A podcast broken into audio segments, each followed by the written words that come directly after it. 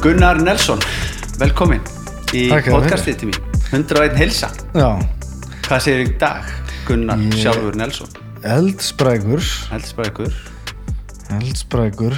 Og mér syns Konni vera það líka. Ja, Konni er alltaf feskur, sko. hann er alltaf klári í að upp á Gunnar. Hann lítur að vera á einhverju góðu fæði. Hann er svo mjúkur já, og... já, já, hérna er bara dýrustu típunar já. það er ekkert verið að Mér hann ráfæði það? Alltaf. 100% ráfæði sko. Og þurrfæði. Já, en, en að öðru heldur hann um Konna. Já. Hvernig ertu uh, í dag, hvað er að gerast? Hvað er saga Uh, núna er ég mikið að hérna, þjálfa og, og, og svoleiðis og, og það er svona bróður fókusin hefur verið á bara mjölni núna og, og, og lifta því upp og, og hérna og já, mikið, mikið að þjálfa, þú veist, keppnislið og, og, og hérna og líka af þessu byrjar að þjálfa meira byrjandatíma og svoleiðis. Já, já. Það er ástriðan Það er ástyrjaðan, já, og svo er ég náttúrulega bara að halda, halda mér við, eins og þú þekkir, já, ekki það. Með þér. akkurat, akkurat Uh, og hérna, já, skrokkurinn er nú bara mjög fín, búin að vera bara helviti góður. Uh, ég er svona aðeins að fá að fylgjast með hvernig þetta þróast þannig að hefa þeim, já, akkurat, segð mér aðeins nánast frá því. Það er, það er eitthvað smá breytingar hérna hjá UFC félögum. Já, þeir eru sérst, uh, Usata er að detta út núna um ármótin. já, úsata er lifi eftirliti bandaríska, já, já, sérst, undir Vata. akkurat, akkurat. Með bara hérna olimpíu hérna, eftirlitið, Já. líka eftirlitið og þannig að þeir eru hérna að fara út og það er að koma inn svona uh, meira enga aðala kompani sem að heitir Safe Sports held ég. Akkurat, akkurat. Og svona meða við það sem að maður sér í kringu sig í öðrum íþróttum og svo leiðist þá verður þetta tölver breyting. Já, Það er að menn eiga eftir að verða öruglega aðeins svona þingri og grimmari en þeir hafa verið hinga til Já, og aðeins svona ég veit ekki lausara um taumana á, já. á þessu þó að þeir náttúrulega myndu aldrei segja það sko en, Nei, en nei, það er bara að maður veit það og, og mér langar að sjá aðeins hvernig þetta þróast. Já, annars var planið náttúrulega að- að reyna að ná einhverju gigi snemma á næsta ári. Akkurat, akkurat. Þú átt hvað, þú átt þrjá barda eftir það ekki núna á þínum svona samning, tvo eða þrjá það ekki og, og uh, Jú, allir þessi ekki þrýr Já. Þannig að það er svona alltaf að lifa því svona aðeins að, að setjast og, og, og það, þetta er að gerast um áramótin þar sem að, að, að, að UFC hættir að nota þetta olimpíu sambands lifi eftir lit og færi sig yfir til enga aðila og, og það er svona, þú ætlar svolítið svona sjá svona hvernig það mun svolítið gerast og Já. hvernig þetta verður og og það er annað líka í þessu. Ég, ég, þú veist, það gæti verið bara tilvölun en, en þú veist, það er svolítið þannig með þegar fólk er að hætta í vinnunni sinni. Já, að það er komið með annan fótinn út áður en það er farið kannski og, og, og ég hef svona smá tilfinninguna fyrir því núna. Ég hef til dæmis ekki verið testaður núna í, í svolítið tíma já, sem er smá óvanlegt sko, ég Já. er yfirleitt testaður mjög reglulega. Emmitt, emmitt, emmitt og hérna, þannig að ég er svona veldið fyrir mig hvort að- að Júsata sé búin að bara fækka fólki já, skilur já. þarna hjá UFC og eða, hvernig það er sko, svo sem bara eitthvað speculation af mér sko. Já, já, ekkert að baka með það nema bara þetta. En, en já, þetta kemur í ljós. Ég, hérna, ég man allan að ég fór náttúrulega inn í UFC áður en Júsata kom inn. Já, og ég man mjög vel eftir þegar þeir komu inn og, og breytingarnir sem áttu sér stað og, og, og ákveðnir aðilar sem voru þarna sem að voru allt í hennu ekki næstu því að góðir og þeir voru fyrir. Já, nei. Það, það er veist, þekkt í þessum heimi maður að, að veist, bara fyrir og eftir Júsata, það Mhm. er bara já, það, það er bara, maður sér það bara á bara barndum og myndum og öðru slíku sko, og þú Já. náttúrulega þekkir þetta sem menn sem er að keppa á þessum tíma, það er bara, maður sér stór mun á þessu já, það var alveg en það, já, eins og ég segi, ég meina það hérna, safe, safe sports sem ég minni þetta heiti, þetta eru að sinna öðrum íþróttagreinum eins og NBA og, og, og, hérna, Crossfit, crossfit og, og, og öðrum hérna, svona amerískum íþróttum og, og þetta er livjaprófið þessum íþróttum en, en, en það er eins og þú segir það er bara kannski bara sjá hvernig þetta er gert og Já. hvernig þetta er og allt þetta ég, ég hugsa að þetta sé ekki næstu í abstrangt Nei. ég er alveg viss að Nei, akkurat að það kemur í ljós. Það kemur í ljós maður, þetta kemur allt í ljós maður. Ég hugsa allavega að NBA menn séu þeir séu á einhverju. Mér finnst það mjög, mjög skrítið að menn séu að stækka um einhverja sentimetra já, já, eftir að koma inn í NBA kannski ættu að vera orðinni fullvaksta já, kallmenn sko. Já það er, það er ímislegt þú veist, það, þessi heimur er, verist alltaf vera einhvern veginn svolítið svona skrefi á undan bara veist, eins og var fræktinn í gamla að, veist, að, að lifi eftir voru alltaf skrefa eftir engageranum í þróun og livjum og, og liv sem að, að, hérna, menn voru að taka á þessum tíma voru ekkit óluleg þannig en, en urðu svo óluleg í setna meir já, já, þau voru bara ekki til. það voru bara ekki til á, á listan nema bara hjá einhverjum hjá einhverjum, einhverjum aðeins sem var að nota þannig að hérna, það verðist vera meiri peningur í því að, að búa til lifin heldur en að, að hérna, negla menn fyrir að vera notaði já. En þú ert ekki mikið í þessu. Þú ert Nei. að berjast gegn þessu og það er, það er verið svona þitt identity svolítið Já, mér finnst bara rosa leðilegt ef, að- ef að íþróttir og þessi íþrótt er að fara að þróast út í þá átt að, að, að strákarnir sem að ég er að þjálfa ef þetta kemur á það, það stig. Ég er náttúrulega, þú veist, skýt með mig sko, ég er búin að vera að þessi mörg já, mörg ár já, og, og, já. og nú komin svona að loka sprettin sko, en strákarnir sem er að byrja sem ég er að þjálfa upp og svoleiðis mér finnst mér finnst smá sorglegt að hugsa til þess að, mögulega þá verður þetta þannig að, þeir eiga ekkert erindi í Nei, staðstu deildirnar og, og, og eru bara ekki samkennins hæfir nema þeir byrja að taka inn einhver lif og þú veist, ég veit ekki kannski verður þetta þannig einhver, daginn að það verða allir á þessu og þetta verður bara hálfa ofinbert og þetta er bara þú veist, verður einhvers konar lífsgæða já, eða eitthvað, ég Já. veit svo sem ekkert um það en, en eins og er þá fyrst mér er þetta smá sorgleg þróun að, hérna, af þetta hljómar fyrir mér bara eins og menn vilja hreinlega bara sjá stærri sterkari Já. skrýmsli, meiri skrýmsli og veist, þetta sé í rauninni bara allt fyrir peningin Já, og þetta er bara já. það sem menn vilja menn Já, vilja horfa á, þetta selur já. þessi svona mörk á milli þess að þetta sé bara svona ykkur uh, veist, list eða íþrótt skiluru eða pjúra.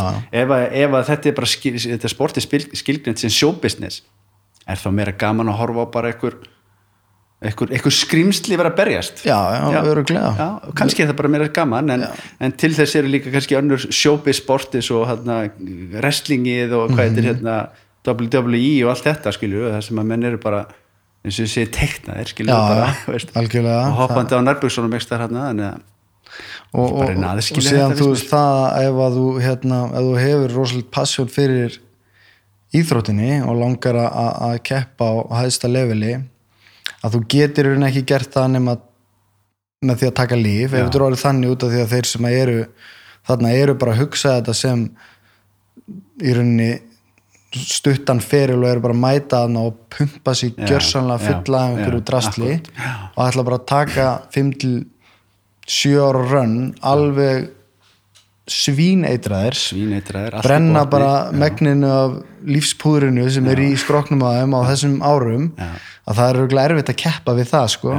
en hvaða áhrif hefur það til lengra tíma segið og hvað með þá sem eru bara ekki tilbúinir til þess að mögulega stúta líkánum á sér með lyfjum, fyrir einhvern þú svona glugga. Fyrir einhvern glugga og tala nú ekki um að í þessu sporti það sem hefur verið að berja því hausin já, akkurat. Og það er svona Já, við áttum við smá samtali, um þetta sko, veist, um að, að þú ert með x áhættu í þessu sporti Mhm. sem að er, er herri heldur en í mörgum öðru sportu þó svo endur ekkit endilega hæsta á, hérna, áhættan sem er í þessu sporti. En, en þú margfaldana þú veist, bara með því að maður sem ert að keppa móti er á, á okkur livjum, það er þannig að það er það er eins og segir skilur veist, ætlar að leggja þá alla vinnun á þig og bara halda þér klín og vera veist, bara sinna þínu sporti og þinni, þinni list svolítið sko, veist, og svo bara mæta einhverju skrýmsli sem að bara er að pumpa og gera ekkert annað og sinnir ekkert endilega íþróttinni en er bara miklu hraðar og sterkar og þú veist, skilur veist, og til það eru þetta líkamlega líkamlega hliðin á sér gríðlega stór þó svo ég held að eins og þú hefur sínt og sanna þó svo þitt líkamlega atgerfið sér mjög gott mm. þá er tækni svo rosalega stór hluti af þessu já, veist, já, en bara, veist, spurning maður spyrir, bara, veist, hva, hvað finnst þér vera veist, tækni versus líkamlega atgerfi er þetta 50-50 er þetta það er rosa erfitt að segja fyrir svolítið eftir stílum og svoleiðis og, Ok. og, og, þú veist, þetta, þetta spila náttúrulega svo rosa mikið saman sko, Mm. því það er kannski ákveðna tæknir sem að henda betur með mikill press og miklum styrk. Akkurat. Meðan aðrar hafa kannski uh, þurfa ekki á því að halda. Mm. því þeir ekki endilega að hinnar séu betri það er kannski sumt sem þú getur gert með að þú ert ungur og það er rosalega effektiv þú ert onin eldi þá kannski getur þú bara ekkit almennilega gert það lengur. Nei, nei, uh, og það þýr ekki að tæknin sé minna effektiv það þýr bara að hún er kannski ekki að virka lengur þegar attributin er ekki til staðar. Já, skil, ok. Þú veist þannig að þetta er það er svolítið svoleið og síðan síðan er þetta náttúrulega líka svolítið þannig að ef þú- hugsa bara ef þú tekur bara mig og síðan tekur annan mig og fyrir að gefa honum eitur en hann gerir nákvæmlega sama og síðan á ég að mæta honum. Já, Þú veist, þannig að ef að menn eru svipa góðir eru að æfa bæði tæknilega og, og, Já. og, þú veist, eru með rosa góðan skilningi á íþróttinu og rosa mm. góður, en annar eru eitri og hinn ekki.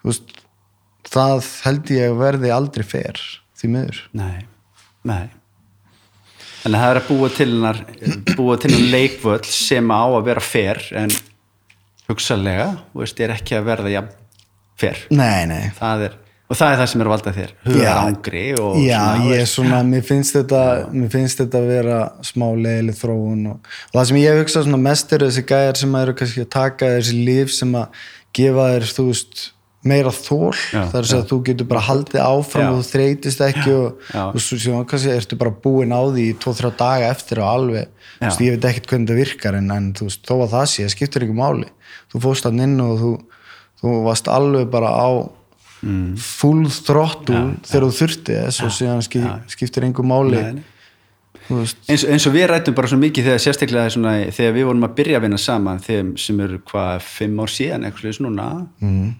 Að veist, þú, þú fannst það að það sem að aukið styrkur og aukið þól og allt þetta veittir var bara betri sín á það sem þú varst að gera og varst ekki end- endilega að hugsa alltaf um að survive, þetta er bara þreki og styrkunum var til staðar, fórst að trúa betur á þig. Mm. svo bara getur þú markvalda það með þremur eða vorst á efnum eða eitthvað skilur og þá bara verður clarity meira og byrja að sjá betur og allt þetta skilur þannig að þetta er, einmitt, þetta er ekki endilega bara það að þú sért þegar þú ert í þessu taki þá ertu sterkari. Þetta bara gefur allt svo miklu miklu meira. Já, meiri, meiri endurheimt. Og það er það sem flestir að sækjast eftir. Já, geta æft meira Já. minni meðslahætta þannig að það er svona en, endist betur og, og, og lengur sko. Það er svona það sem þetta snýst um. Þannig að við ætlum ekki að gera þetta. Vi, við rættum það líka að ég ákvað það og ég, þess vegna vildi ég endi vinna með þér og ég vissi að þú værir á þessari línu. Mhm. og það er eitthvað sem að, ég tala við alla í mína íþróttumenn og all, alla sem ég þjálfa. Ég þjálfa ekki fólk sem er að nota efni. Þess vegna erum við góðið saman. Akkurat. Já. það er bara Herru, við ætlum að ræða aðeins um hilsu í dag og svona við ætlum aðeins að, að hérna, svona kafa aðeins í þig en bara aðeins að þínu fjölskyldu háttum þú ert mm -hmm. þryggja barnafæður mm Stígur og Míra og, og hún unnur litla. Ha. já, takk fyrir það, skýruna það og Franziska konaðinn Já. hvað finnst þennum þetta allt saman? Bardaðana? já hún, hún hefur bara mjög gaman að þessu og, og hefur náttúrulega komið út að horfa með berjast og, og, og ekki alltaf komist náttúrulega því að það þurft að sinna Það börnunum er líka. að unga þessu börnum út og svona líka uh, en hún er bara ég gæti í raun ekki beðið um betri konu sko. hún, hún er alveg stiðið við baki á mér við, með, eins og bara fóreldrar mínir hafa gert í gegnum tíðina og hefur alveg endalusan skilning fyrir tímanum sem að ég þarf að setja í þetta og, og, og hérna þó að geti náttúrulega verið smá strempið stundum, sérstaklega er í kampi og svoleiðis en, en ég hef aldrei fundið votta því frá henni að það sé einhver svona veist, erfileiki eða eitthvað með, veist, hún er, hún er alveg Hún gríðarlega skilur sportið vel og, Já, og hún kringum sportið og gaman Já. að því Já. og, og, og já, það er Svona þetta frækt að pappiðinn, Halli og erumbóðsmaðurinn og eigandi og Reykjum Mjölni og sem er þitt bara þú, ja, meðal hans þú eigandi þar og, og þjálfari og, og það er þitt líf Já, já, við, við náttúrulega byrjum sko, þegar ég byrja að keppa og svo leist, þá er ég ekki með neitt manager náttúrulega og, og, hérna, og er svona að reyna að velta þessu fyrir mér og, og hvernig maður er að gera þetta og hverju maður er að treysta. Já, og við ákveðum það eiginlega bara að kallin alltaf að fá að sjá um þetta allan og svona til að byrja með og, og síðan er hann eiginlega bara ennþá að sjá um þetta þá er hann bara orðin þraut segur í þessu. Sko og hérna og þó ég sé líka við, séum í samstarfi líka við hérna svona agency úti sko, já Paradigm. já, en, en þá, þá er hann alltaf með með allavega annan fótinn inn í öllu sem við erum að gera og, og, og sérum að, semja alveg mikið af samningum og svoleiðis og, já, og sem er bara mjög gaman. Mér finnst mm. rosa gaman að hérna að hafa hann með í þessu sko. og hann hefur líka gaman að því sko. Hann er Halli, geggja gæði sko. Já, geggja gæði en upphafið, veist, hvað hva, hérna veist fyrir mér var þetta sport einhvern veginn bara ekki til veist, ég vissi aldrei af MMA og ég veist, þú byrjar í karate eða ekki og svo varst í hvað, ísokki líka eitthvað aðeins og, og ég var fyrst í ísokki það var Já. svona fyrsta sport sem að ég svona hafði aðtegli til þess að sinna. Já, þegar maður er batna er maður svona kannski svolítið út um allt og, og er að maður hvernig byrjar því þá? svona tíu ára Já, svoleiðis, já, ok ég var verið, ég var í hokki svona, eða níu, tíu, ég manna ekki kannski tíu ára til 14 ára aldurs já, já, um, þá fyrir ég yfir í karatið mér varst mjög gaman í hokki og ég alveg já, ég segi þetta var svona fyrsta sport sem ég fór í sem ég alveg elskaði, veist, maður búin að prófa eitthvað hitt og þetta og bara fótbolta getur og verið comeback að rífa fram skautan eitt mann bara. Já, ég, ég hef nú einhvern tíðan farið að skauta á svona síðustu árum og mér leiði nú bara eins og ég hafi engu glimt sko. still garrett Já, svo tók kartið við 14-15 ára eitthvað og, Já svo tekur kardi við og hérna, ég hætti eiginlega bara í hockey út að þetta var svona þeim tíma sem að þú veist, maður var svona að byrja að gisa stelpur sko. Já, já. Og, og það fór á- ekki vel með hockeyinu. Nei, sko, og á þeim tíma ef, ef við munum eftir því þá hérna þá er svona, menn eru svona að byrja kannski að nenni ekki að mæta á æfingar og langar að fara eitthvað að hanga eftir skóla og gera eitthvað bara svona alls konar slæpast sko og, og þannig að mikið af mínum vinum hættu og svona þetta eða svona eitthvað þá einhvern veginn minkaði og örgulega líka um mér og þannig að ég ákvaði eitthvað, mér er alltaf langar til að fara í sérst bardæðþjóðir og pabbi vildi bara ekkert hleypa mér í þær og sagði bara hreinlega út að ég hafði ekki þroska í það strax sko. Já. er það, veist, er var pappiðin í ykkur bardæðþróttum er þetta kemur þetta eitthvað þaðan já, já, hann var í, í, í karate og eitthvað kickboxi og eitthvað svona þegar hann var yngri sko. Og hérna og þannig að ég ákvaða á já, ok, ég hérna, fer og, og ætla að prófa að fara í karate og þannig að ég fer og bara nýri karate fylgja reykja ykkur í, í, í hérna í sundlöginni, lögadalum akkurat, lögum, já. Og, og já, þar, þar byrjar svona þessi bardaða fyrir hjá mér sko og ég hafði nú aldrei sérstaklega gaman að svona þessum kötum og því sem var Nei, svona kíl út í lofti Já, hluta en, en fljótlega fekk ég að hérna, spreita mig meira í, í kúmeti hlutanum sem eru svona bara frjáls bardaði og svona, svona controlled Já. En það er allt standandi, það er ekki glímu element í því, er það? Nei, það er einhverja fellur en ekki, ekkert að viti, bara eitthvað svona smá svíp og dót sko og maður, maður, maður kann ekkert að restla en eitt sko, þetta er bara eitthvað svona maður er bara að fella einhvern annan sem kann ekki, kann ekki fella á sko. Og hérna og já, ég fílaði það í botn og, og komst í landslið og, og var að keppa eitthvað og fór eitthvað út að keppa eitthvað aðeins og, mm. Og síðan í kjölfara því þegar ég komin inn í, í lið þá kynnist ég Jóni Veðri Já, akkurat og hann kynnir mig í rauninu fyrir glímu og MMA Já, já. og, og Þannig ertu þá, hvað ertu hún gammal þannig? Þetta er, þetta er svona 15, 16 upp í 17 ég held að ég sé svona tvö, þrjú ár. sau- 17 ára þegar ég hætti í karitinu sko. já, ok þegar ég ákvað bara að ég ætla bara að Já, sinna þessu bara MMA verður bara, verður þitt sport bara. Já. ok og það er Jón Viðar sem kynniði fyrir því hafði hann þá sjálfur bara, veist, verið eitthvað garfið þessu og var, var í kardinu með þér segir það ekki? Já, já, hann var í, hann- í, í kardina að vera aðeins með öðru félagi þessu en, en við vorum saman í, í, Mm. í landsliðinu og mm. kynnumst þannig og hérna og hann byrjaði sérst að hérna eitt í hann eftir æfingu og spurði hann bara ef, að- taka hérna glíma Mm. eða, eða eitthvað, ég man ekki hvað hann kallaði þetta og ég eitthvað, já hvað er það? Já, geggja, þá, var það bara eitthvað svona gannislagur sko, eins og við þekkjum að, að bara banna að býta og klóra og klípa og kýla og bara og hann alltaf, þú veist, bara hérna, skrúpaði gólu með mér eitthvað og kunni eitthvað nokkuð bröð og miklu stærri og sterkari og, og hérna og síðan þá byrjaði svona boltinn að rúlla og ég held þú veist að hann, hann var svona búin að mynda rosa áhuga fyrir þessu og var svona alltaf með þetta huga fyrir svona functional þú veist líka í karituna, hann var rosalega harðhendur sparkaði alveg opbóðslega fast og kýldi oft og fast og var yfirlega dæmdur úr leik fyrir að hafa lamið einhvern nóg fast sko. Já, já, og það er einmitt í karatinu þú, átt að, átt að hitta en þú átt ekki að meira Já, þú vart að stjórna höggunni Já, sko, og, og hérna hann var svona, svona functional thinking sko, og, og, og, og síðan þegar hann nær mér inn í þetta þá held ég að þú veist, við höfum svona ítt undir hver annan og Mm. síðan vorum við náttúrulega fleiri sko, og, og það myndaði svona stemming. Og það, þannig byrjar eiginlega bara mjölnir út frá því og, og þá sérst, saminumst við hérna nokkra strákar sem voru búin að vera glíma og voru konum með held ég blátt belti á þeim tíma og sérst e, sem var hérna Bjarni B sem er ennþá Já, þjálfari já, í minni og, og, og, og eigandi og, og hérna Jón Gunnar og Arnar þeir voru svona, svona þrýr aðal aðal Mm. Þannig að þú talað um glíma, þá Já. já. þannig að, þú veist, já, þannig að byrja, já, akkurat, akkurat.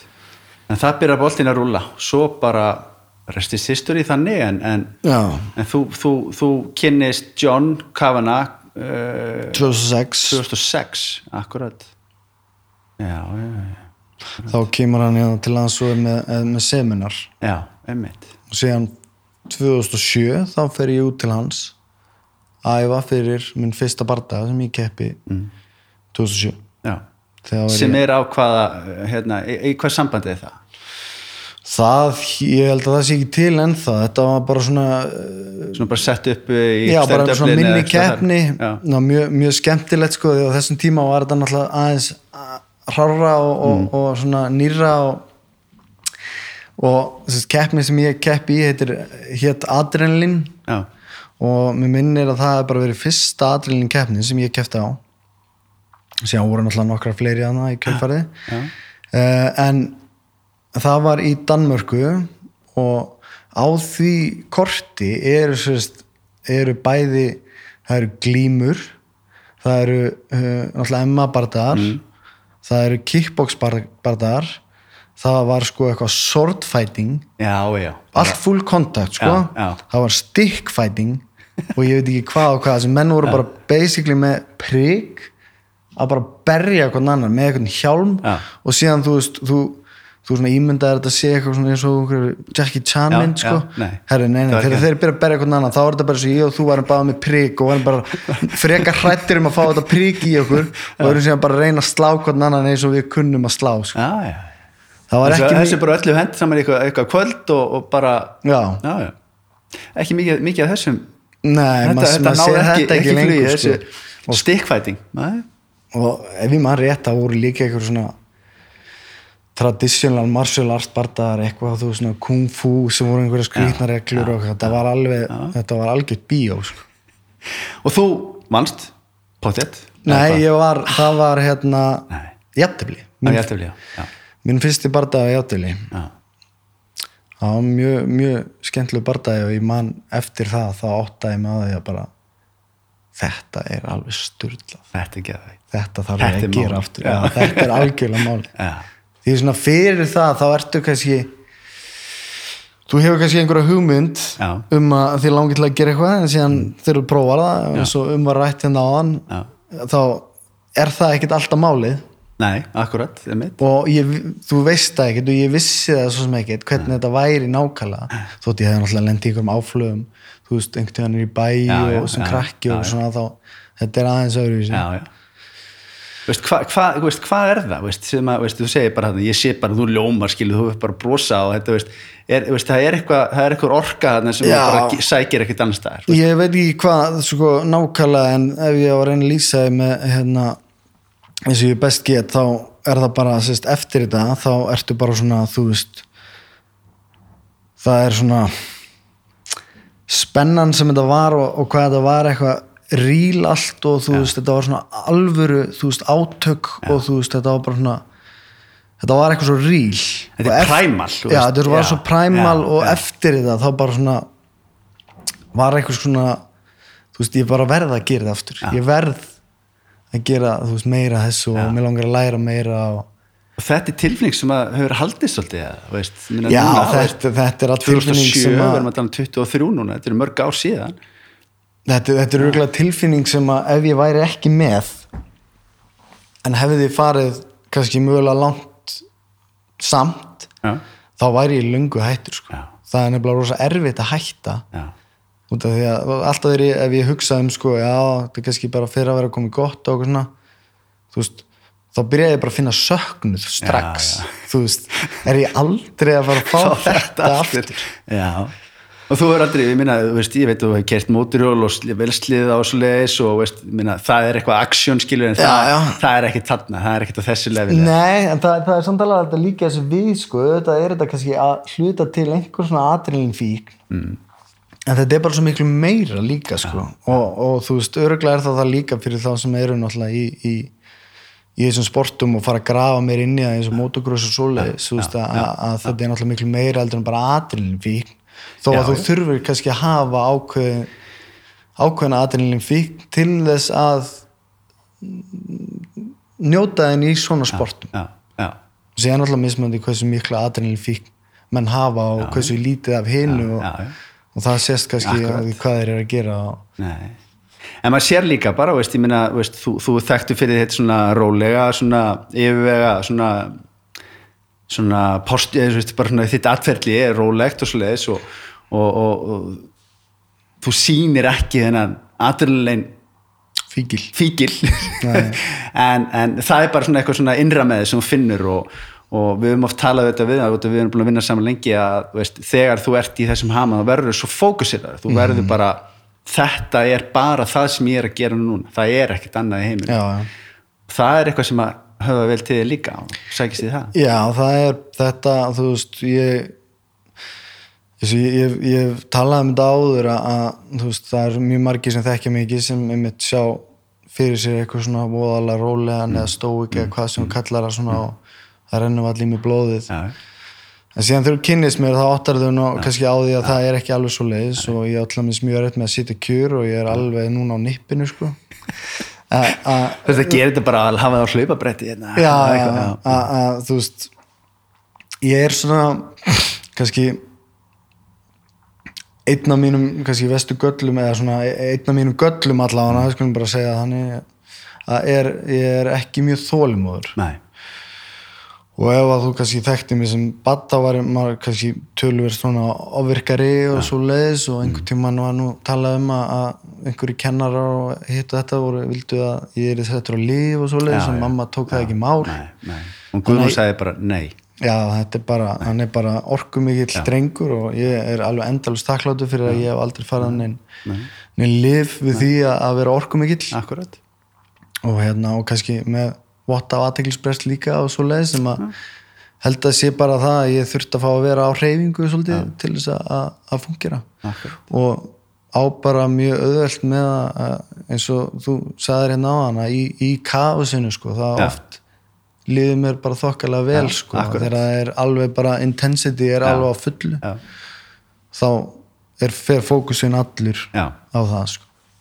Það er gríðilega sterkur eiginleiki sem að ég hef tekið eftir og vært með og, og sem að er líka karakter enginni út að ég hef verið heppin að vinna með mörgum svona góðum íþróttamönnum að það er að emitt þegar að hlutinir eru allir ykkur í loft þá nærð þú og aðri sem eru góður íþróttum að fókusera bara á einn hlut og það er, er hlutin sem skiptir máli. Já. Veistu, þeir eru ekki út um allt og það er, það er gríðilega sterkur eiginleiki mjög sterkur eiginleiki. En veist, hvað veist, maður er svona að hugsa bara veist, búin að vera lengi í þessu veist, hvað, er, hvað er það sem veitið þá innblástur til þess að halda áfram veist, Sko það er svona nokkur hlutir. Núna he, finnst mér núna er svona meiri fókus hjá mér og hefur verið síðustu ár satt að segja e, þjálfun. Og mér finnst rosalega gaman að hérna sjá þessist e, krakkana og strákana sem eru hjá okkur og, og stelpunar það að hérna koma upp sko og, og Já. mér er svona farin að finna fyrir því meira hvað ég hef e, hvað ég hef mikla ánægi út af því að geta miðlað einhverju Já, til þeirra og komið því sem að ég fekk áfram sko, Mm, og svona farin að finna fyrir því hlutverki miklu meira í mér og það er kannski partur af því líka að maður er pappi sko að, það, þú veist þú einhvern veginn skilur á einhverjum tíumpunkti var ég í fyrsta sæti hjá mér sko. Mm. En ég síðan hrapa maður svo langt niður listan sko að það að þú, þú ert sko svona já, fókusirinn er á, á annað og aðra. Tölvöld meira uh, í dagstælu lífi heldur en kannski nákvæmlega hvað þú vilt gera eða hvað þú ert að gera. Og, og þó að ég þurfið náttúrulega líka svolítið að halda að maður þarf að sinna sjálfum sér vissulega og ég, mér Já, finnst ég gera það bara mjög vel og hérna en, en, en svona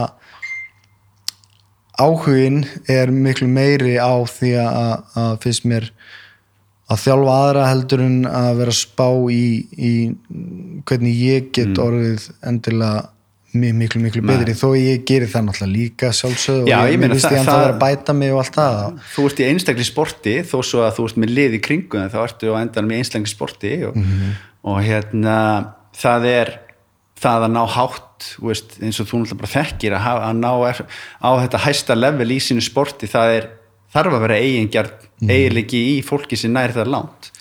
Vegna þess að það er eitt í þessu á endanum veist, þegar að to it skilur, þá ertu einn en, en við getum notað þetta eins og bara veist, að fá innblástu frá öðru fólki veist, ert þú með eitthvað svona aðlega sem svona hefur verið þinn svona mentor eða veist, hjálpað þér mikið veist, ertu, mm, já ég er náttúrulega með þjálfara já, uh, að voru að tala um það sem, sem hefur verið með mér frá eiginlega byrjun og, en uh, John Kavanagh Já, og ég akkurat. hef lært rosa mikið af honum og, og, og hérna bæði bara uh, þú veist tæknilega séð Mm.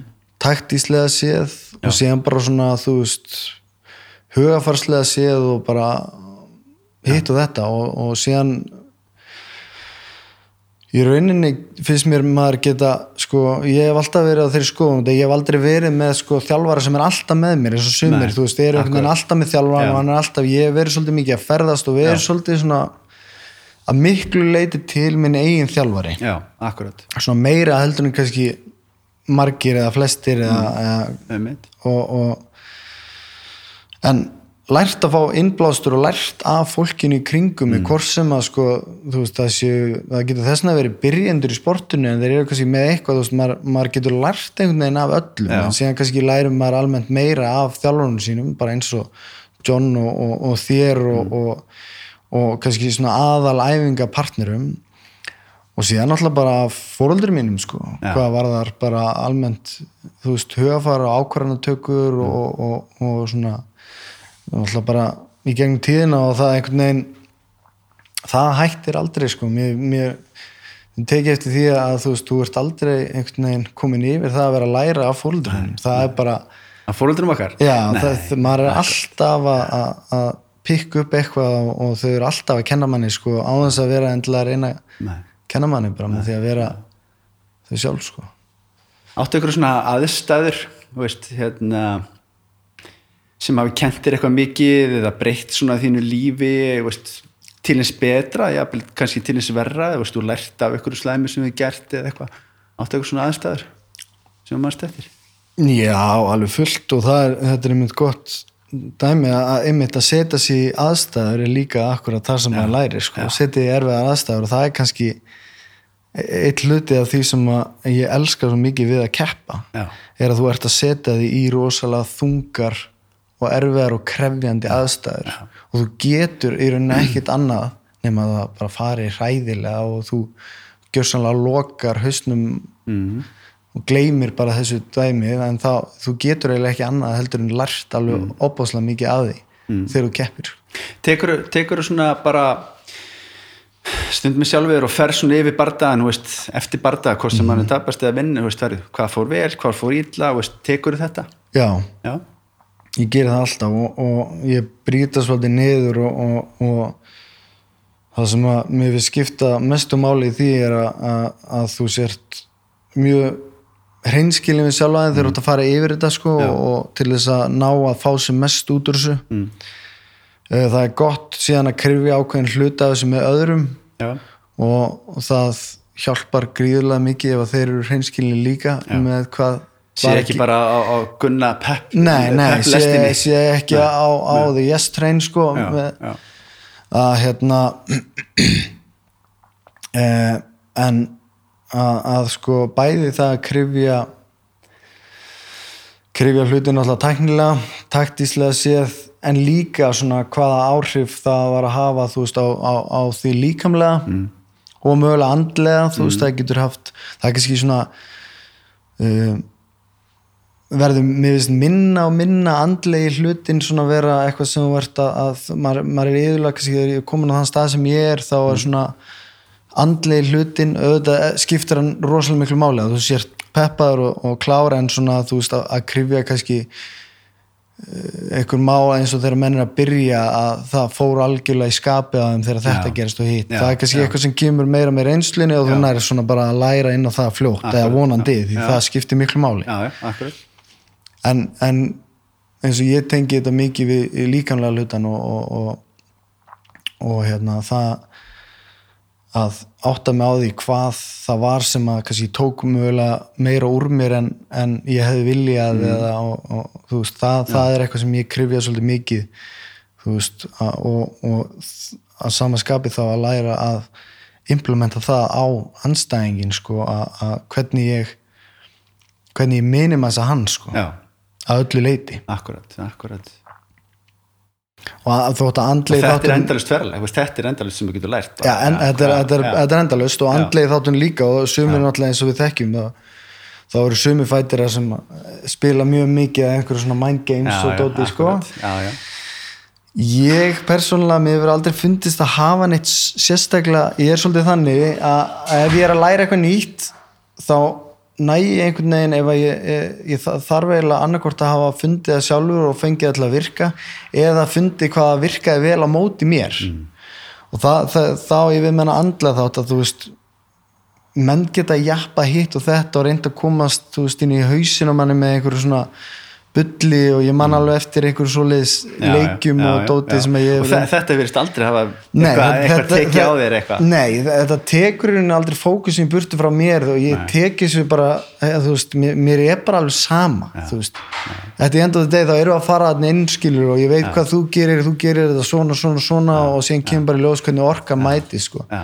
en að þú ætlar að fara að segja eitthvað um mig og mína og eitthvað, þú veist, já, já, bara Já, bara gerðu það og Gerðu þú það veist, mér, mér er alveg þe- sama. en þú veist þetta- ekki að fara að fá mig til að hata þig eitthvað meira eða pyrra en eða þú veist, ég bara Já, en það eru, þú veist, ég meina, það er ykkur ástæða fyrir þessu leik og þetta er þetta showbusiness líka en, Já, já, en auðvitað, samt þetta maður, maður, maður sé bara einhverja gæja sem eru bara að leysi fókust og svo allt í hennu er sagt eitthvað og það bara, herru þú segir þetta ekki við mig hérna og þið bara, þið missa touchið sitt, Já, þú veist, já. þið missa gameplan sitt eða eitthvað, veist, ég veit það ekki en, en og þe- þeir fara að verða sko emotionally vested Já. og tengjast hinnum emotionally sko, Já. sem að þú veist af hverju, þetta er bara eitthvað eða, þú veist, já, bara ef ég ætla að tengjast einhverjum emotionally þá vona ég að sé bara frekar jákvætt heldur en, heldur en neikvætt sko, það er ég hef engan áhuga að vera eitthvað að tengjast einhverjum neikvætt emotionally, tala nú ekki um það þannig að þú eitthvað gæja sem bara kannski erst að fara í búrum með og hittir aldrei aftur skilur, Já, eitthvað, já, akkurat. akkurat,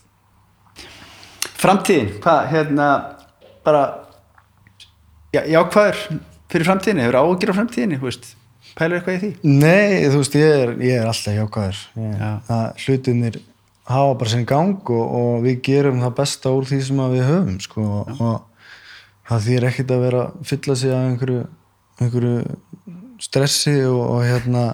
Það, þú veist, ég er bara einmitt uh, ég held að eins og vorum að tala um áðan að þú veist, hvað var þar ferilin og svoleiðist þá, þá ætla ég aðeins að fá að sjá hvernig þetta fer á stað hjá þeim og, Já, og einmitt. svona ef við erum að ræða það en, en annars þá annars þá er ég í rosa góðum málum bara í lífinu sko. Já, já.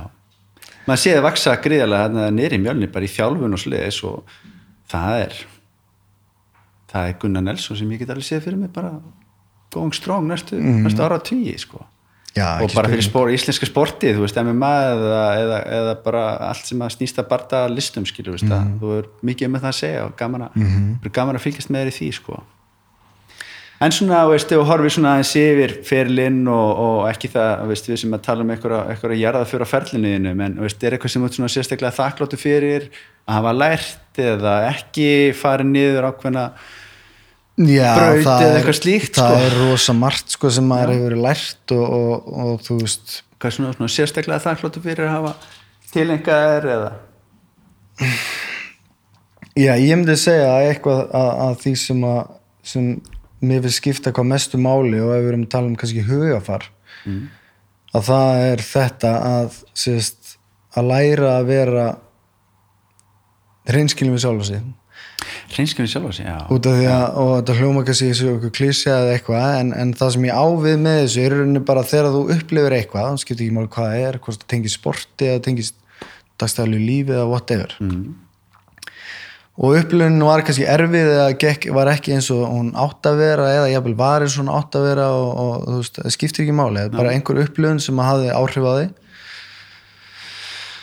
Og um þegar hún hefur neikvað áhrif á þig að geta svolítið stíið út fyrir sjálfa þig mm. hort á aðstæðunar eins óháð og hægt er ekki ráða tilflingildar ráða Nei, já, og, já. og dæmtar svolítið og greintar svolítið skinsanlega út frá því og rökrétt og, og, og sangjant mm.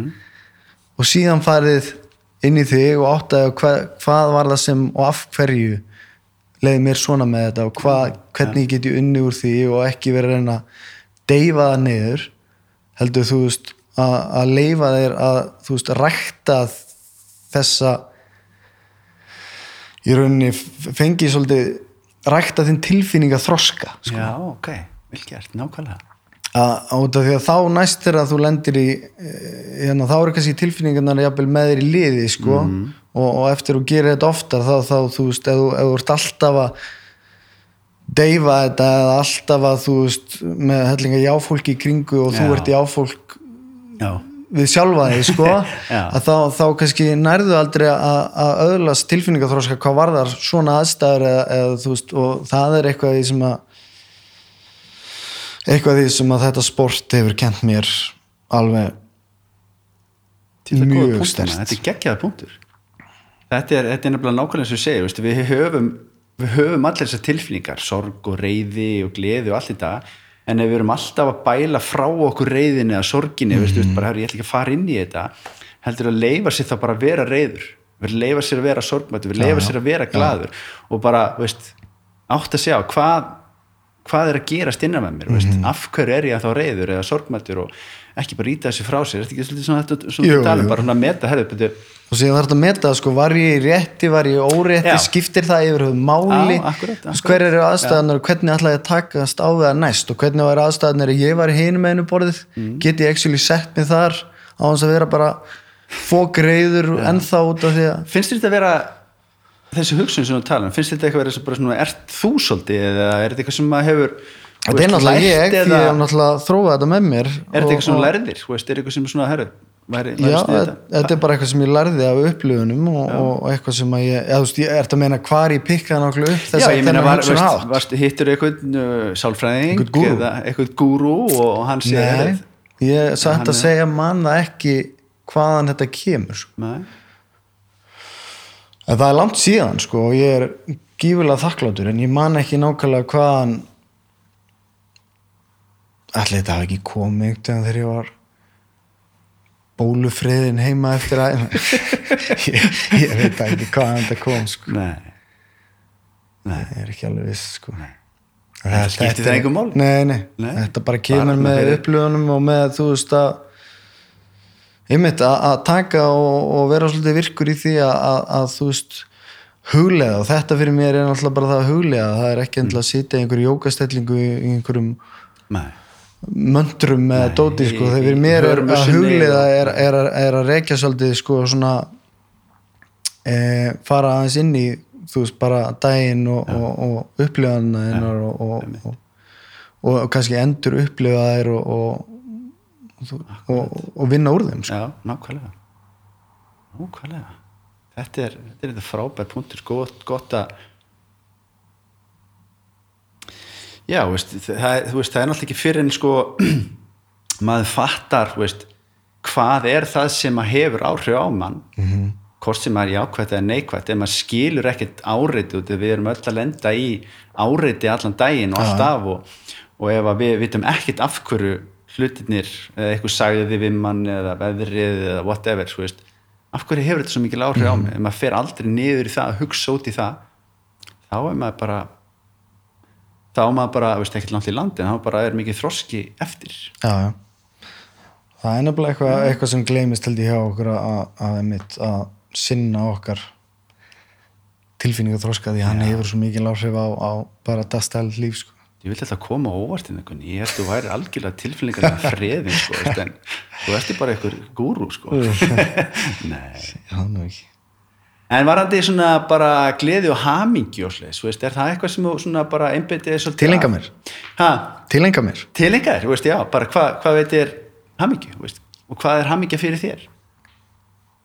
Já, það er náttúrulega bara góðar stundir með, með mínu fólki sko. það er svona það sem að fyrsta sem að, já, ég, já, fjölskyldan og vinnir og, og, og, og búa til sérst, góðar minningar og upplifanir og, og síðan er ég náttúrulega stór, stór partur af mínu lífi eins og kannski leynir sér ekki er að, að svona átök og, og, og eitthvað líkamlegt og, og upplifa eitthvað sem að tengist á kannski hreyfingu og íþróttum og, og leik. Já, það er eitthvað sem ég mun aldrei koma til með að geta hægt sko. nei, það er bara í Og- DNA-u niður.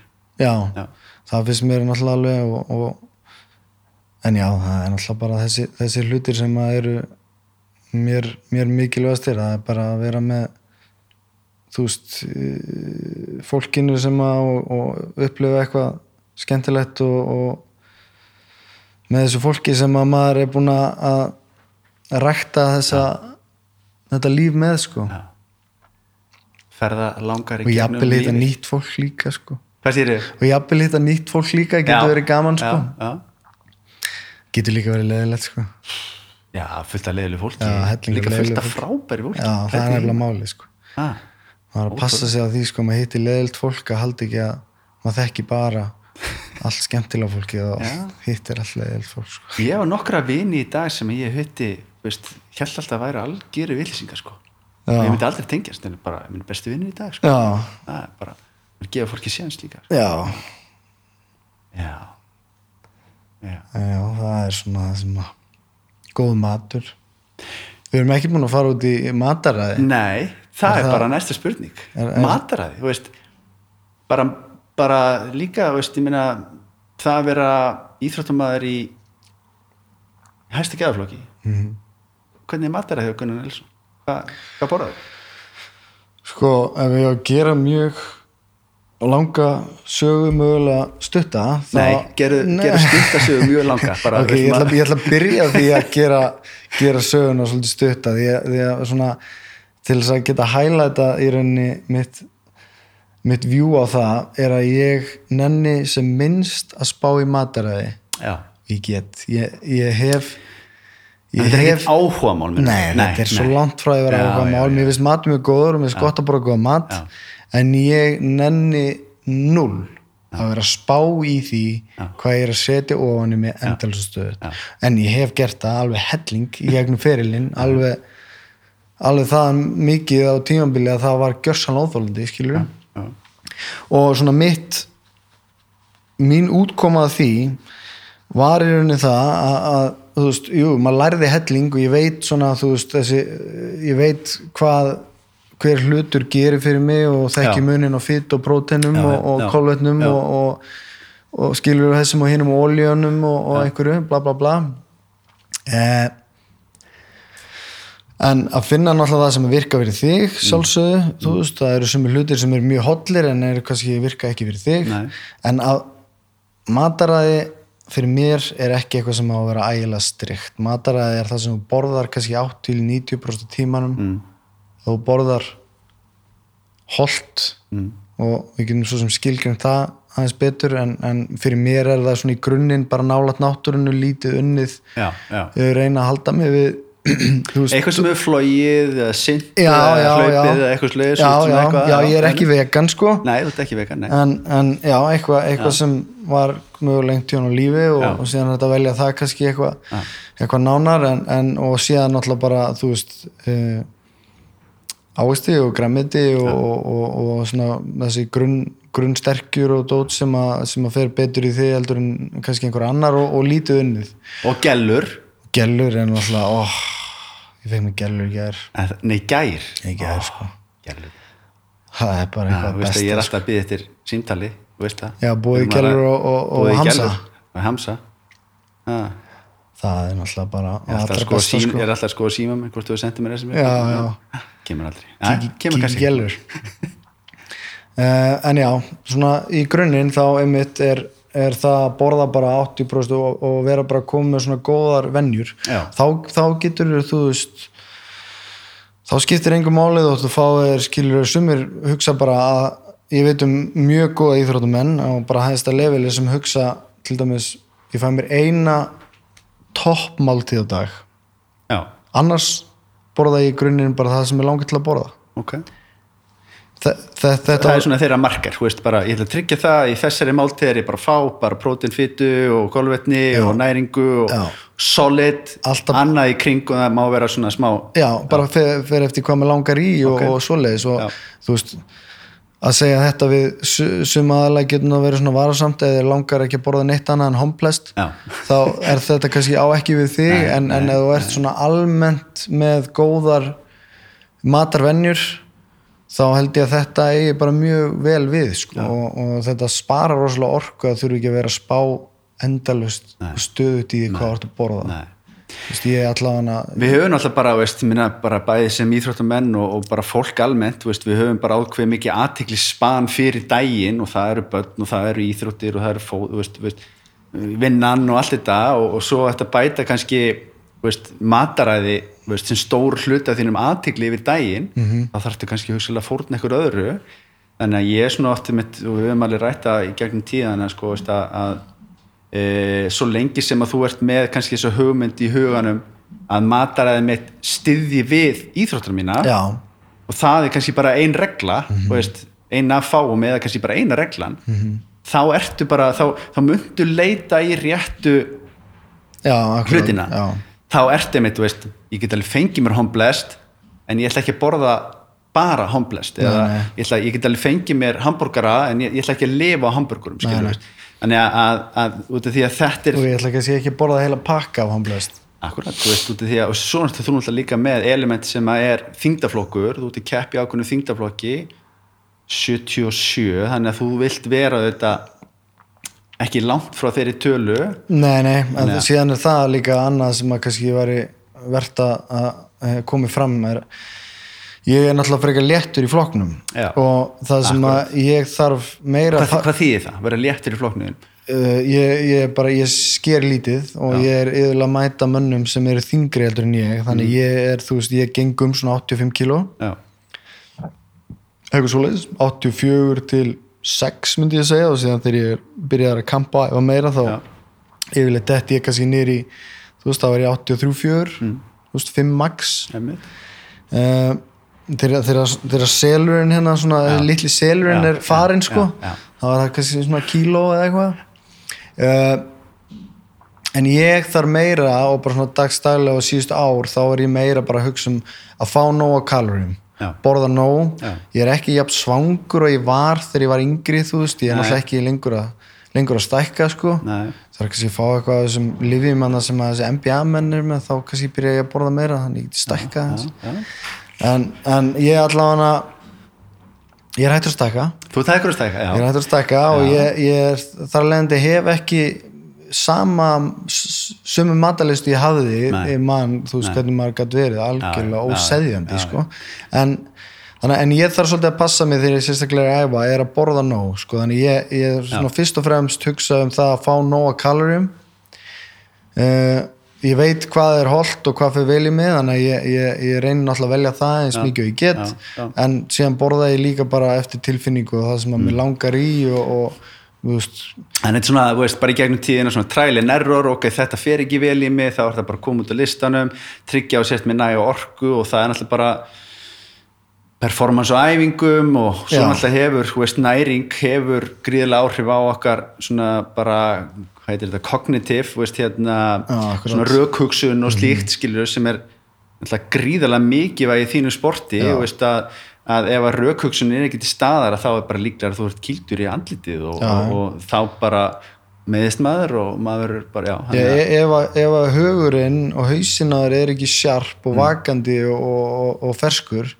þá fylgir líka minn sko Já. þótt að það sé ekkit kannski og þetta er náttúrulega ná tengt sko. Já, að ef að þú ert ekki sjarp þá ert að puða miklu meira því að þú, þú ert bara ekki on it sko. já, og, og hérna og því líður líka bara miklu betur og, og þannig að þú veist það er bara ekki spurning maður að næra heilan á sér. Já heilin, hann, hann vinnur bara á kolvetnum þannig að það er eins gott að fyrir íþróttum en að tryggja það að- við séum vel kolvetnuð, Mhm. það er gílega mikilvægt þó svo að líka með kunnu þetta búið til kolvetnu úr fyttu og öru slíku en, en þá er aðal orku efni íþróttumanna eru kolvetni já, já. og sé- síðan er kannski eitt annað í þessu að, að ég svona á þess að vera eitthvað á einhverju intermittent fasting Nei, prógrami akkurat, þá er ég yfirlega þannig sko ég, þú veist, til dæmis núna er ég ekki búin að borða neitt Nei. í dag Nei. og ég væri svo sem örgulega búin að borða ef við værum ekki að spjalla núna Já, sko, en það er svona einmitt á þessu tíma já. Eitt, eitt til tvö ekstra það er þetta, næra yfirleitt það er já. ég að borða mína fyrstu máltíð sko. Það er ekki nema ég vakni og er eitthvað svangur einhverjum sem ég en, en það er, ég, ég gefi kerfinu gott frí Já. á hverjum einstu að það er svona meðvitað en samt ekkert að pæla í því og búin að gera þetta náttúrulega lengi það bara, vir, bara virka fyrir mig Já. mér líður vel að því og, og, og, hérna, já, það er bara svona og ég, ég líka ég held að hafi bara mikið af hérna, góðum áhrifum með sér að, að leifa kerfinu um þetta kvíla svolítið algjörlega, og, og, algjörlega. Það er, veist, það er þessi svona heimur, veist, út í það þú ert náttúrulega íþróttumæður, þá, þá eru svona, hvað maður að segja, veist, fræðin eru svolítið svona á skjön, margt sem að segir að íþróttumenn eiga að neyta fæðu bara, veist, constantly, veist, eiga ekki að vera fasta. Ég persónlega er hins vegar á aðeins ann- annari skoðun og það fyrir eftir auðvitað líka bara íþróttumannu sem við erum að tala um, en svona genir allt er að e, það að fasta hjálpar líkamannu þínum að vera dugleiri í því að, að sækja í orku sem við eigum til staðar. Hvort sem það er glíkogen sem er kolvettin sem við geymum í vöðunum og, og í líkamanum eða þá í fytun okkar Mhm. veist, þannig að, að uh, metabolism eða, eða hérna veist, orkan sem við búum til líkamann verður færari í Mhm. því að sækja orku ef við erum duglega fasta þannig að en þá reynir líka meira á íþróttmannin og þar leðandi þig að tryggja það að í þeim glugga sem þú ert að borða þá sérst að neyta alveg fæðu já, þannig að það er ekki hægt að gera. Skilur fasta og vera svo í rugli í mataræði Já, þá ertu komin í vandræði sko. og fastar ekki að borða síðan hérna, fötu af KFC og, og Ben Jerry's þá ertu svolítið búin að það er ekki búið en það finn ég það sko að, að, að þegar ég geri það þá, er, þá líður mér ekki vel sko. það er bara, ég Nei. veit alveg að og ég er náttúrulega, ég er með mýgrinni eins og þú veist Jú, sko já. þannig að ef að, ef að hérna ef að það fyrir beint í þig Já, ef, ef ég er, þú veist, ef ég er komin á eitthvað mjög slæmt og róla, þetta hefur náttúrulega svefn og rútín og allt áhrif á, Mm. á svona lagað, en, en ég finn það strax, sko, ef að ég borði, ef að fyrsta máltíðin er bara eitthvað algjört sorp, sko Mm. það er ekki, það er oft talað um að, morgumatur sé mikilvægast máltíð dagsins, sko, já, já. ég borði nú aldrei morgumat, Nei. en svona ef við se- segjum fyrsta máltíð sem mikilvægast máltíð, þá ég get alveg tekið undir það fyrir mig sko, að, að það skiptir gríðarlega máli hvað ég borða sett fyrst og Já. annum sko, ef það á að vera einhver svona alveg máltíð sko. Það er alltaf lega nart eitthvað aðeins og svoleið sko. Já. Ég einmitt, sko, veist, sjálfur hefur verið að fasta í mörg ár, ekki alveg konstant, en svona verið í þessari svona, hérna, 16 og veist, 8 pælingu og okkur hliðis, en, en þá finn ég einmitt, fyrir mig, ég get ekki byrja að borða heila máltíðir, ég er búin að fasta í, í langan tíma, ég þarf að nasla mig aðeins inn í það, skilur, veist, fá mér eitthvað svona... hvað mennur með langur tími? Að tala Sko, um sólarhringa eða meira? Já, veist um daginn fastaði í þrjá daga og ég fann það bara að, að veist, ég gat ekki veist, ég hefði ekki já, ég, bara, ég fann það bara líka mig bara um leiðið byrja að borða og hugsa já, ég þarf bara að taka hérna fimm bita af matnum svo þarf ég bara að kvíla, skilur, mm Mhm. aðeins að leifa maltingun að koma á stað og ég hef ekki, bara, ég hef ekki að byrja á því að taka bara eina stóra máltíð sko. Hún byrjar ekki á er lampanrygg og, og, og kartöflum og, Nei, það þarf aðeins að svona nasla sér inn í þetta sko, sérstaklega eftir lengri föstur já. en það er kannski bara ég en, en, en ég er svo sem tek engar svona lengri föstur sko. Nei, en, er líka, einhver en, 16 samt tímar en samt líka bara veist, þá ertu náttúrulega komin inn í ákveði föstu ástand þó svo að við þurfum líka með þarfi yfirleitt aðeins lengri tíma heldur en 16 tíma til þess að koma sér í það sem kalla bara svona föstu ástand sko. Já, já. þetta er svona eins og þú kannski tala meira um veist, að, að, fasta í 16 tíma er bara kvíld fyrir kerfið Já. hjálpa líka honum svona aðeins að veist, tryggja það veist, Mhm. og það eru bara hormónar veist, sem að líka, þetta er hor, svona hormónabalansing Já. tól, tól sko þannig að hérna já það er annan, aðeins annan, annan pæling sko já, akkurat en mistök, mistök hefur, hefur gert mistök? nei, nei, nei. Bara- ok, næsta spurning en nei, ég bara alveg mistök þú veist, hvað, hvað finnst þér um mistök? hefur gert ykkur sem maður eftir sem þú lært vel af eða, já, ég hef gert endalista mistökum sko, og það, það er mitt það sem að frekar en að fara að e, krifja kannski einhver, einhver mistök sem að þú veist er bara að það sem skiptir mest máli er að vera ekki hrættu að, taka, að gera mistök sko. Því við gerum öll mistök endalaust og stöðugt Já. og þau eru náttúrulega bara tækifæri til þess að læra já, ef við erum hrættu að gera mistök þá erum við kannski ekki að setja okkur í þessar aðstæður sem að við rættum um áðan sem að eru krefjandi og Mm. Já. við getum lært af já, þannig að hræðsla við að gera mistök er mjög skiljanleg og við erum öll með hana en hún má ekki hún má ekki ráða förinni hjá okkur og ef að þú veist við þurfum öll að tileng, tilengja okkur hugreiki af uh, að einhverju leveli og að mínu mati og, og því þú veist gróði eða sérst vöxtur vöxtur, verður bara ekki sami ef, að ef að þú ert ekki tilbúin til þess að gera mistök og getur ekki tekist á við það að hafa gert mistök. Nei. Eh, það eru svona Mér finnst þetta bara eins og með þitt sport sko, veist, ég, ég náttúrulega er ekki í, í jiu-jitsu eða eitthvað slíkt en aðeins, aðeins svona prófa þetta.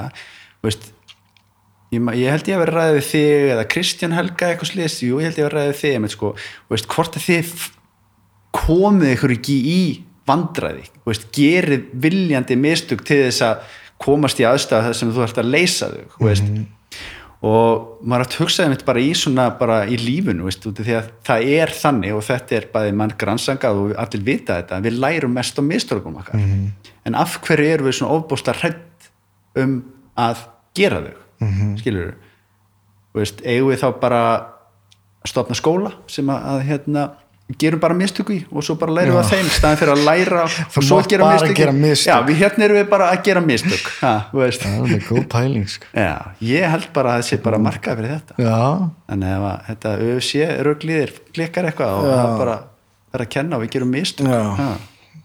Slást í hópin gerum mistök.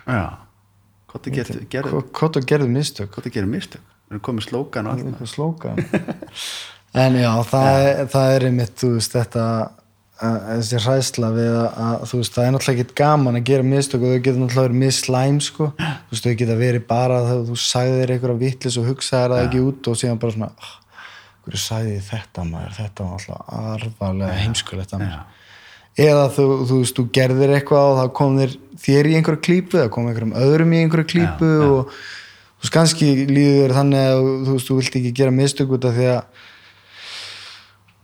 þá hugsaður að fólk hugsi verð til þín eða hugsi þetta er nú bara meiri vittlsingurinn eða þú veist þetta er hitt og þetta eða kannski ertu hrættur um að- að að gera mistökut að að þú, þú lendir á einhverjum stað þar sem mögulega kemur þér ekki í, í burt eða, eða þú veist þannig að það er svona allur gangur á og kannski meira eðli þess það er aðeins hvað þú ert að gera sko.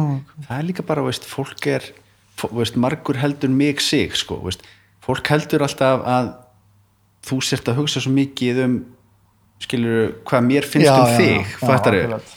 en flestir eru bara að hugsa um sig veist, það, er, það er okkar eðli þannig að, veist, að einmitt að veist, hérna, maður, herri, ég sagði eitthvað, ru- sagði eitthvað rugl og ég fer bara alveg í kleinu og ég bara ég mun ekki, veist, ég mun alltaf bara taka sveig framhjá þér og hann, er- hann er pottu að hugsa um hann því ég Já. sagði því hérna að bílni var rauður og svo var hann grætskilu og ef það veist eitthvað fyrir ykkur að kleinu við því skilu, Já. bara feysa, feysa fólki og feysa mistökin út af því að alla líkur að því að, að fólki bara löngum og gleyma gerði skilu, veist, og Það er einmitt að, það, þetta eru tvö helstu mistökin þegar þú gerir mistök.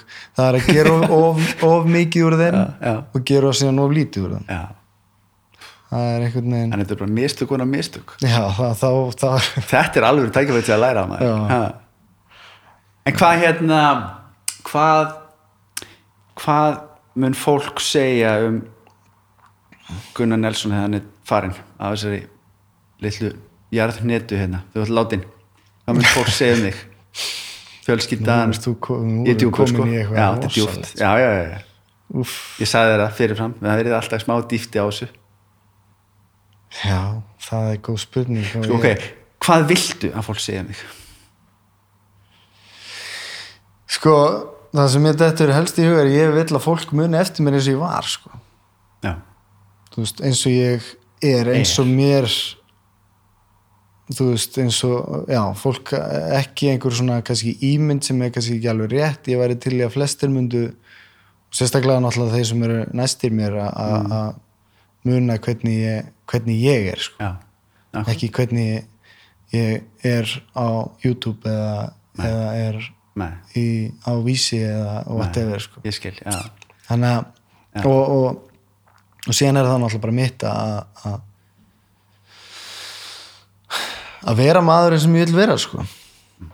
Og það er náttúrulega eitt af því sem að maður náttúrulega kannski verður meira meðutaður um þegar maður að ég ætla hana þegar maður eignaðist börna að maður reynir svo veist, auðvitað reynir maður að vera fyrir mynd fyrir börni sín og fyrir líka bara kannski krakkana sem er að þjálfa og fólki og, og, og, en að þegar þú ert að reyna að vera fyrirmynd að, að, að þú ert að reyna að vera kannski eitthvað sem þú ert ekki þá ertu kannski komin á svolítið rángar slóðir og ert að reyna að fela mistökin Já, eða fela þessa luti þá er kannski þetta meira á svolítið er í að reyna að vera besta útgáfan af Mm. Því sem að þú getur orðið sko, af sjálfu þeir að þú veist skilur og það var ég svona Já, það er náttúrulega, veist, það er svolítið ríkt í og þegar, veist, núna ert þú að færast yfir í meira og meira þetta svona þjálfara hlutverk og þú ert fyrirmynd, búin að vera fyrirmynd í mörg, mörg ár, skilur, þú veist, þekkt persóna og, og allt þetta og einmitt eins og segir, fólk heldur að þú sért ákveðin hátt sem að, veist, kannski er ekki alveg þín upplifun að sjálfu þér en þegar að kemur að því að vera svo leiðbennandi og vera að, að, að hérna, að það er að segja alla söguna það er ekki bara að skreita sjálfan sig skilur, Nei. þú veist. það er að segja ég gerði mistök og ég lærði að þeim og ég, veist, þetta er raunveruleikin þetta er erfitt og þetta er ekki allt glans og veist, það er bara Nei, skilur, veist, ég er, var lamin líka bara í hausinn og ég var veist, mm þú veist eins og með Damian Maia og eitthvað svona skilur, það er að fara inn í þetta ég hef alveg lent undir sko. Akkurat, þú veist, þetta er ekki allt eitthvað bara dansa rósu. Mhm. Þannig að ef, að, ef, að, ef maður fær þetta, þú veist, bara real talk, sko Mhm. það eru, það eru, til dæmis fyrir mig, þú veist og þú veist, ég held að það sé bara vonandi fyrir okkur flest að þeir sem að raunverulega kendu mann eitthvað voru þeir sem að voru svo real, þú veist, þeir voru ekkert að skreita sjálfan sig, bara Nei, nei. þetta er bara, akkurat. svona er lífið, sko, tengir við það?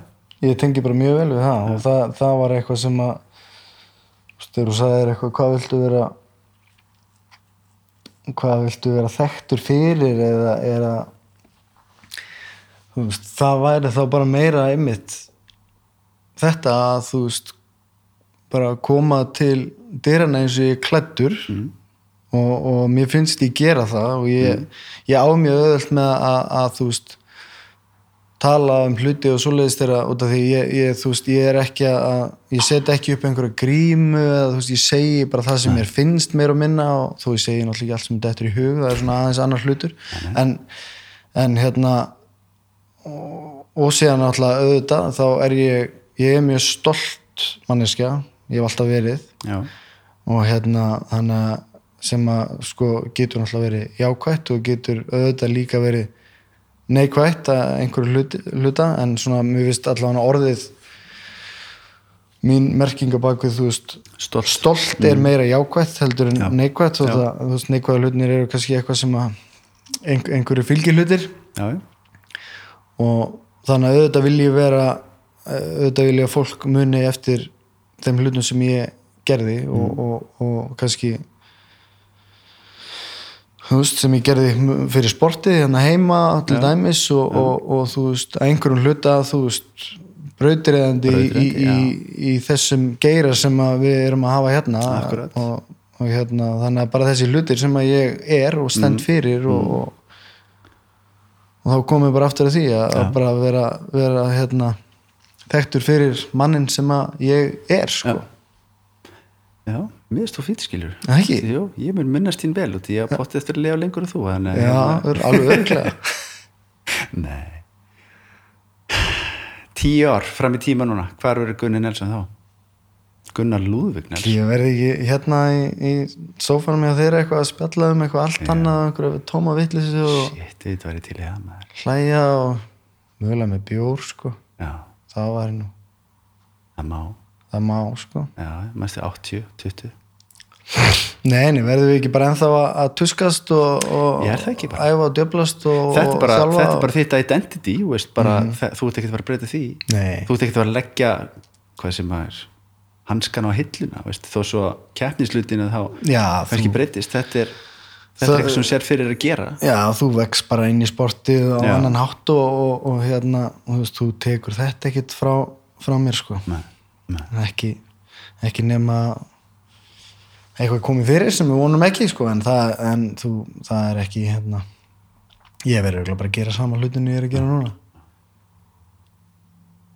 svo bara er mjölnir að, vaksa og dafna og, og, og hérna Já. gengur vel þar og, Já, það gengur mjög vel og, og það er búið að vera mikið af einmitt, mikið uppvexti núna já, og við spýttum alveg rækilega í lóana núna fyrir einhverjum mánuðum síðan Já, og erum, erum það mikið, erum búin að búa til stert teimi sem er að gera rosa góða Mhm, hluti og, og, og auðvitað náttúrulega góða hluti gerast hægt og svo leis en, en ég held að það finni það flestir sem eru þarna innan hús að, að það er eitthvað í gangi og það er eitthvað að gerast og, metnaður það er metnaður. mikill Já, metnaður ég finn það, maður og, finnur það. og, og mikill svona mikill svona hugur í mönnum Mm, sem að eru að, að og sem að þú veist er eitthvað sem að þú kaupir ekki sko. Þetta, er, þetta er sko og það er, það er mjög gaman einmitt það finnst mér núna uh, í þessu teimi að vinna, vinna saman á þessu markmiði og, og sjá hvað hva er að þú veist það er svona verið að fylla upp í ákveðnar hólur og síðan er verið að íta öðru upp Já, og, og það er já. svona og síðan er, er, er mappið svolítið að vika hjá okkur sko, þú veist þannig að við erum alltaf að, að við erum alltaf að sjá meir og meiri möguleika með Mm. það sem við höfum í höndunum og það, það er svo spennandi sko og Ég held líka bara veist, að, að uh, allar, allar líkamsræktar stöðvar eða íþróttafélög veist, í kringu COVID að náttúrulega fóru sér yfkun svolítið mikið niður eh, margir tala um að vanti svona 20-25% af yfkundum eftir COVID. Og þið, veist, ég veit að þið eru búin að fá mikið af þeim tilbaka aftur. En svona varandi einmitt svona bara ástriðinni sem ég nú er búin að vera í þessu með, með ykkur svona, veist, í þessi fimm ár. Og maður sér hvað er mikil ástriða en ástriðan er ekki fyrirbæri sem er alltaf bara logandi, það þarf að sinna henni Já, og ég, það er það sem ég finn svo hjá ykkur núna veist, að þið eru það það er svona, vera bara svona veist, meðvita að vera ít undir ástriðin Já, það er verið svona ákveðin endur heimt sko, Já, í, já. í, í þessu sko, þessum neista sko, sem hefur alltaf verið til staðar en hefur kannski logað mjög látt sko í einhver tíma sko. Og vera að sysla já, undir hann þessu er búin að vera að sýsla sko en er, er ennþá blár og, og, já, já, og hérna og, og hefur rosalega möguleika sko. Og maður finnur það núna og síðan náttúrulega eftir að eftir að meiri, meiri viður kemur á eldin þá, sem að er náttúrulega að gerast núna Jú, þá, já. að þá svona þú veist þegar við hérna tökum höndum saman sko Mm. þá, þá einhvern veginn þá myndar svo mikil orka sko. Gaman, gaman að þessu frábært sko. þetta er gegn, já, þetta bara alveg ótrúlega þetta er ótrúlega. Herði Gunnar Nelson. Ég vil þakka þér bara kella fyrir. Kom í sófan og spjalla og- mig, þetta og var hérna- mjög skemmtilegt. Það.